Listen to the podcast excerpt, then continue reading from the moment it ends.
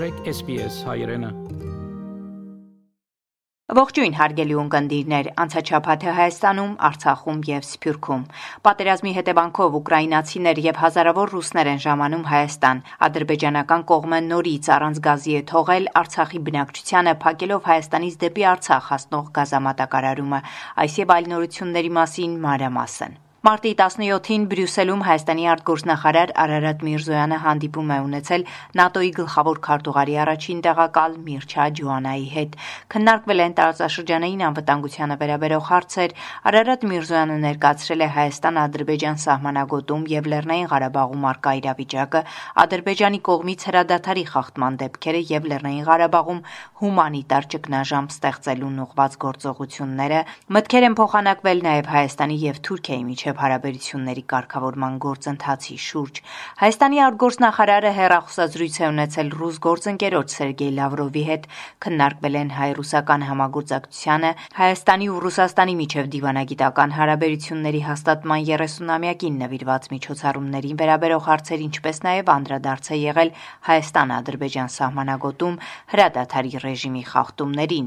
Մինչ այդ վարչապետ Նիկոլ Փաշինյանը հերախոսազրույց է ունեցել Ռուսաստանի Դաշնության Ռուսաստան նախագահ Վլադիմիր Պուտինի հետ։ Իդեպ Հայաստանի վարչապետն առաջիկայում մեկնելու է Ռուսաստան։ Հայաստանը եւ Թուրքիան պայմանավորվել են բանակցությունները շարունակել առանց նախապայմանների։ Հայաստանը եւ Թուրքիան պայմանավորվել են բանակցությունները շարունակել առանց նախապայմանների։ Արտգործնախարար Արարատ Միրզոյանը Անտալիայի դիվանագիտական ֆորումի շրջանակներում այս մասին ասել է թուրքական Անադոլու գործակալությանը տված հարցազրույցում։ Հայաստանի ազգային ժողովում արտգործնախարար Միրզոյանը ներկայացրել է իր թուրք գործընկերոջ Մևլութ Չավուշօղլուի հետ հանդիպման մանրամասները։ Մևլութ Չավուշօղլու հետ մեր հանդիպմանը երկուստեք կարևորվել է կարգավորման գործընթացի հետագա ընթացքը եւ երկու կողմերն էլ հանդիպման ընթացքում վերահաստատել են, որ պատրաստակամություն ունեն այս գործընթացը առանց նախապայմանների տանել առաջ եւ ի վերջո պսակել այն հարաբերությունների հաստատմամբ եւ երկրների միջև սահմանների բացմամբ։ Արարատ Միրզոյանը ազգային ժողովի արտաքին հարաբերությունների հանձնաժողովի նիստում հայտնել է, որ Երևանին փոխանցված ադրբեջանական 5 կետից բաղկացած առաջարկներում անընդունելի ոչինչ չկա։ Մեր ընկալումն այն է, որ ըստ էության մարտի 10-ին մեզ փոխանցված ադրբեջանական առաջարկներում մեծ հաշվով անընդունելի ոչինչ չկա այլ բան, սա կարծում եմ պետք է փոխկապակցված ընկալել, այլ բան, որ այդ հարցերը, այդ առաջարկները ամբողջապես չեն հասցեագրում Հայաստան-Ադրբեջան համապարփակ խաղաղության հնարավոր օրակարգը եւ ահա մեր պատասխանները եկել են լրացնելու այս ամբողջացնելու այս օրակարգը մեր պատասխաններում կրկին քիչ առաջ նաև նշեցի առանցքային եւ սկզբունքային ենք համարում Լեռնային Ղարաբաղի հայության իրավունքները եւ Լեռնային Ղարաբաղի կարգավիճակի հարցի հասցեագրումը ահա այս ամբողջական հենքի վրա մենք պատրաստ ենք սկսել բանակցություններ Նախարարը հիշեցրել է, որ Երևանն արդեն իսկ դիմել է ԵՀԿ Մինսկի խմբին Հայաստանի ու Ադրբեջանի միջև խաղաղության պայմանագրի կնքման նպատակով բանակցություններ կազմակերպելու համար, բայց դրանք դեռևս սկսված չեն։ Նիստին ներկա պատգամավորները սակայն մտահոգի չեն որակել Ադրբեջանի 5 կետանոց առաջարկում տեղ գտած միմյանց տարածքային ամբողջականության ճանաչման ու սահմանազատման, սահմանագծման իրականացումը առանց Արցախյան հիմնախնդիրը լուծելու այս երկու կետերի իրական իրականացումը վտանգում է Արցախահայության ապագան, նկատել են ընդդիմադիրները մենք որևէ հակասություն չենք դնում տարածքային ամբողջականության եւ ինքնորոշման իրավունքի միջև եւ ուզում եմ ասել, որ Հայաստանի եւ Ադրբեջանի միջև սահմանազատումը մեր խորին համոզմամբ որևէ կերպ չի վերաբերում Լեռնային Ղարաբաղի հայության իրավունքներին, Լեռնային Ղարաբաղի կարգավիճակին եւ այլն, որովհետեւ ինչպես մենք, այնպես էլ մեզանից առաջ ասվել է, որ Լեռնային Ղարաբաղի հարցը տարածքային հարց չի, Հայաստանի կողմից Ադրբեջանի նկատմամբ տարածքային ոտնձգության հարց չի, այն բացառապես եւ ամբողջովին Լեռնային Ղարաբաղի հայության իրավունքների հարց է։ Ռուսաստանաբնակ հայ մեծահարուստ գործարար Ռուբեն Վարդանյանը կենտրոն հերոստանգերության եթերում հարցազրույցի ժամանակ անդրադարձել է այն հարցին հնարավոր համարում է միութենական պետության ստեղծումը եւ Հայաստանի անդամակցումը այդ միությանը հարցը պետք է ուրիշ ձև դնենք։ Եթե դա անխուսափելի է, մենք ո՞նց անենք, որ մենք դառնանք Թաթարստանի պես ամենահաջողված ռեգիոնը Ռուսաստանի, ոչ թե լինենք ինչ որ չեմ ուզում օրինակ անուն տամ, շատ աղքատ ռեգիոններ կան Ռուսաստանում, որոնք նույն Ռուսաստանի մեջ անդամներ են, բայց տարբեր լրիվ իրավիճակը։ Ոնց անենք որ մեր լեզուն պահպանենք։ Ոնց անենք, որովհետև եթե մենք մենք դառնում ենք մեծ երկրի նորից մի մաս, որը մենք հարյուրավոր տարիներ փորձել ենք անկախություն ստանալ, բայց հիմա իրավիճակը տենց է վերելու, որ մենք չենք կարողանանք պայքարել, որովհետև իրավիճակը տենց անելու։ Այո։ Իմ մոտեցումը ոնց է դա մի լավը լինի։ Մինսկի խմբի համանախագահ Ֆրանսիան պատրաստակամ է արձագանքել Հայաստանի կառավարության դիմումին եւ ամեն ինչ անել Հայաստանի եւ Ադրբեջանի միջև երկարատև խաղաղության համար Հայաստանում Ֆրանսիայի դեսպան Ան Լյոնն է ասել, Ան Լուոնն է ասել, մինչդեռ Հայաստանի ու Ադրբեջանի միջև խաղաղության պայմանագրի կնքման բանակցություններ կազմակերպելու Հայաստանի դիմումին Մինսկի խմբից պաշտոնական պատասխաններ դեռ չկան։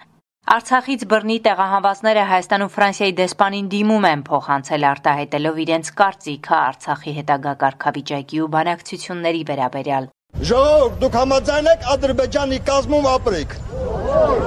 Ժողովուրդ, Ադրբեջանի կազմում ապրելու եք դուք։ Ու մենք խնդրում ենք մեր Հայաստանի Հանրապետության իշխանություններից առանց մեր կարծիքը հարցնելու մերտեղ որոշում չկայացնեն։ Արցախ Արցախում գազամատակարարում չկար շուրջ 11 օր ցրտաշունչ օրերին բնակչությունը զրկված էր գազից, գազատարի վնասված հատվածը ադրբեջանական վերահսկողության տակ, ինչը երկար ժամանակ ադրբեջանական կողմը թույլ չէր տալիս հայկական կողմին վերականգնել Սակայն մարտի 21-ին ադրբեջանական կողմը կրկին դադարեցրել է գազամատակարարումը մարտի 21-ին Արցախում։ Այս մասին տեղեկացնում է Արցախի տեղեկատվական շտաբը հայտարարելով. «Ունենք բավարար հիմքեր պնդելու, որ մարտի 8-ին պայթեցված գազատարի վերանորոգման աշխատանքների ընթացքում ադրբեջանական կողմը տեղադրել է փական, որի միջոցով էլ ժամեր առաջ դադարեցրել է գազամատակարարումը»։ Այս մասին անմիջապես տեղեկացվել է Արցախ Արցախում տեղակայված ռուսական խաղաղապահ զորակազմի հրամանատարությունը։ Բաքուն նախապայմաններ է առաջ քաշում Ստեփանակերտում ասում են հայկական կողմի կենսական շահերն էլ անփոփոխ են։ Ստեփանակերտում այսպես են գնահատում Բաքվի ներկայացրած խաղաղության պայմանները արտաքին գործերի նախարար Դավիթ Բաբայանը համոզված է միակողմանի պահանջները չեն կարող լինել տարածաշրջանում խաղաղության եւ կայունության հաստատման հիմք։ Մեզ համար այստեղ կան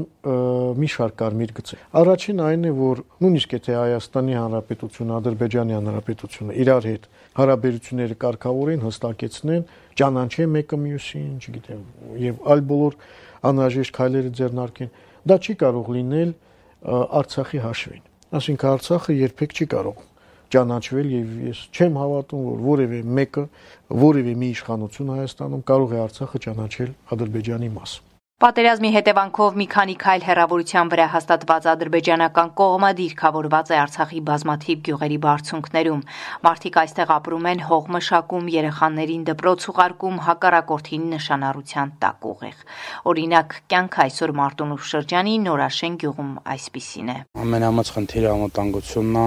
գազն էլ է, առանց գազը լայմել կիլեն, առանց լույսը լայմել կիլեն, բայց ամենամեծ խնդիրը անվտանգության հարցն է ամեն մի րոպե մեր աշակերտներին եւ մեր ուսուցիչներին համար առաջին դպրոցն է եւ դիրքը այն ձև է նախատեսված, որը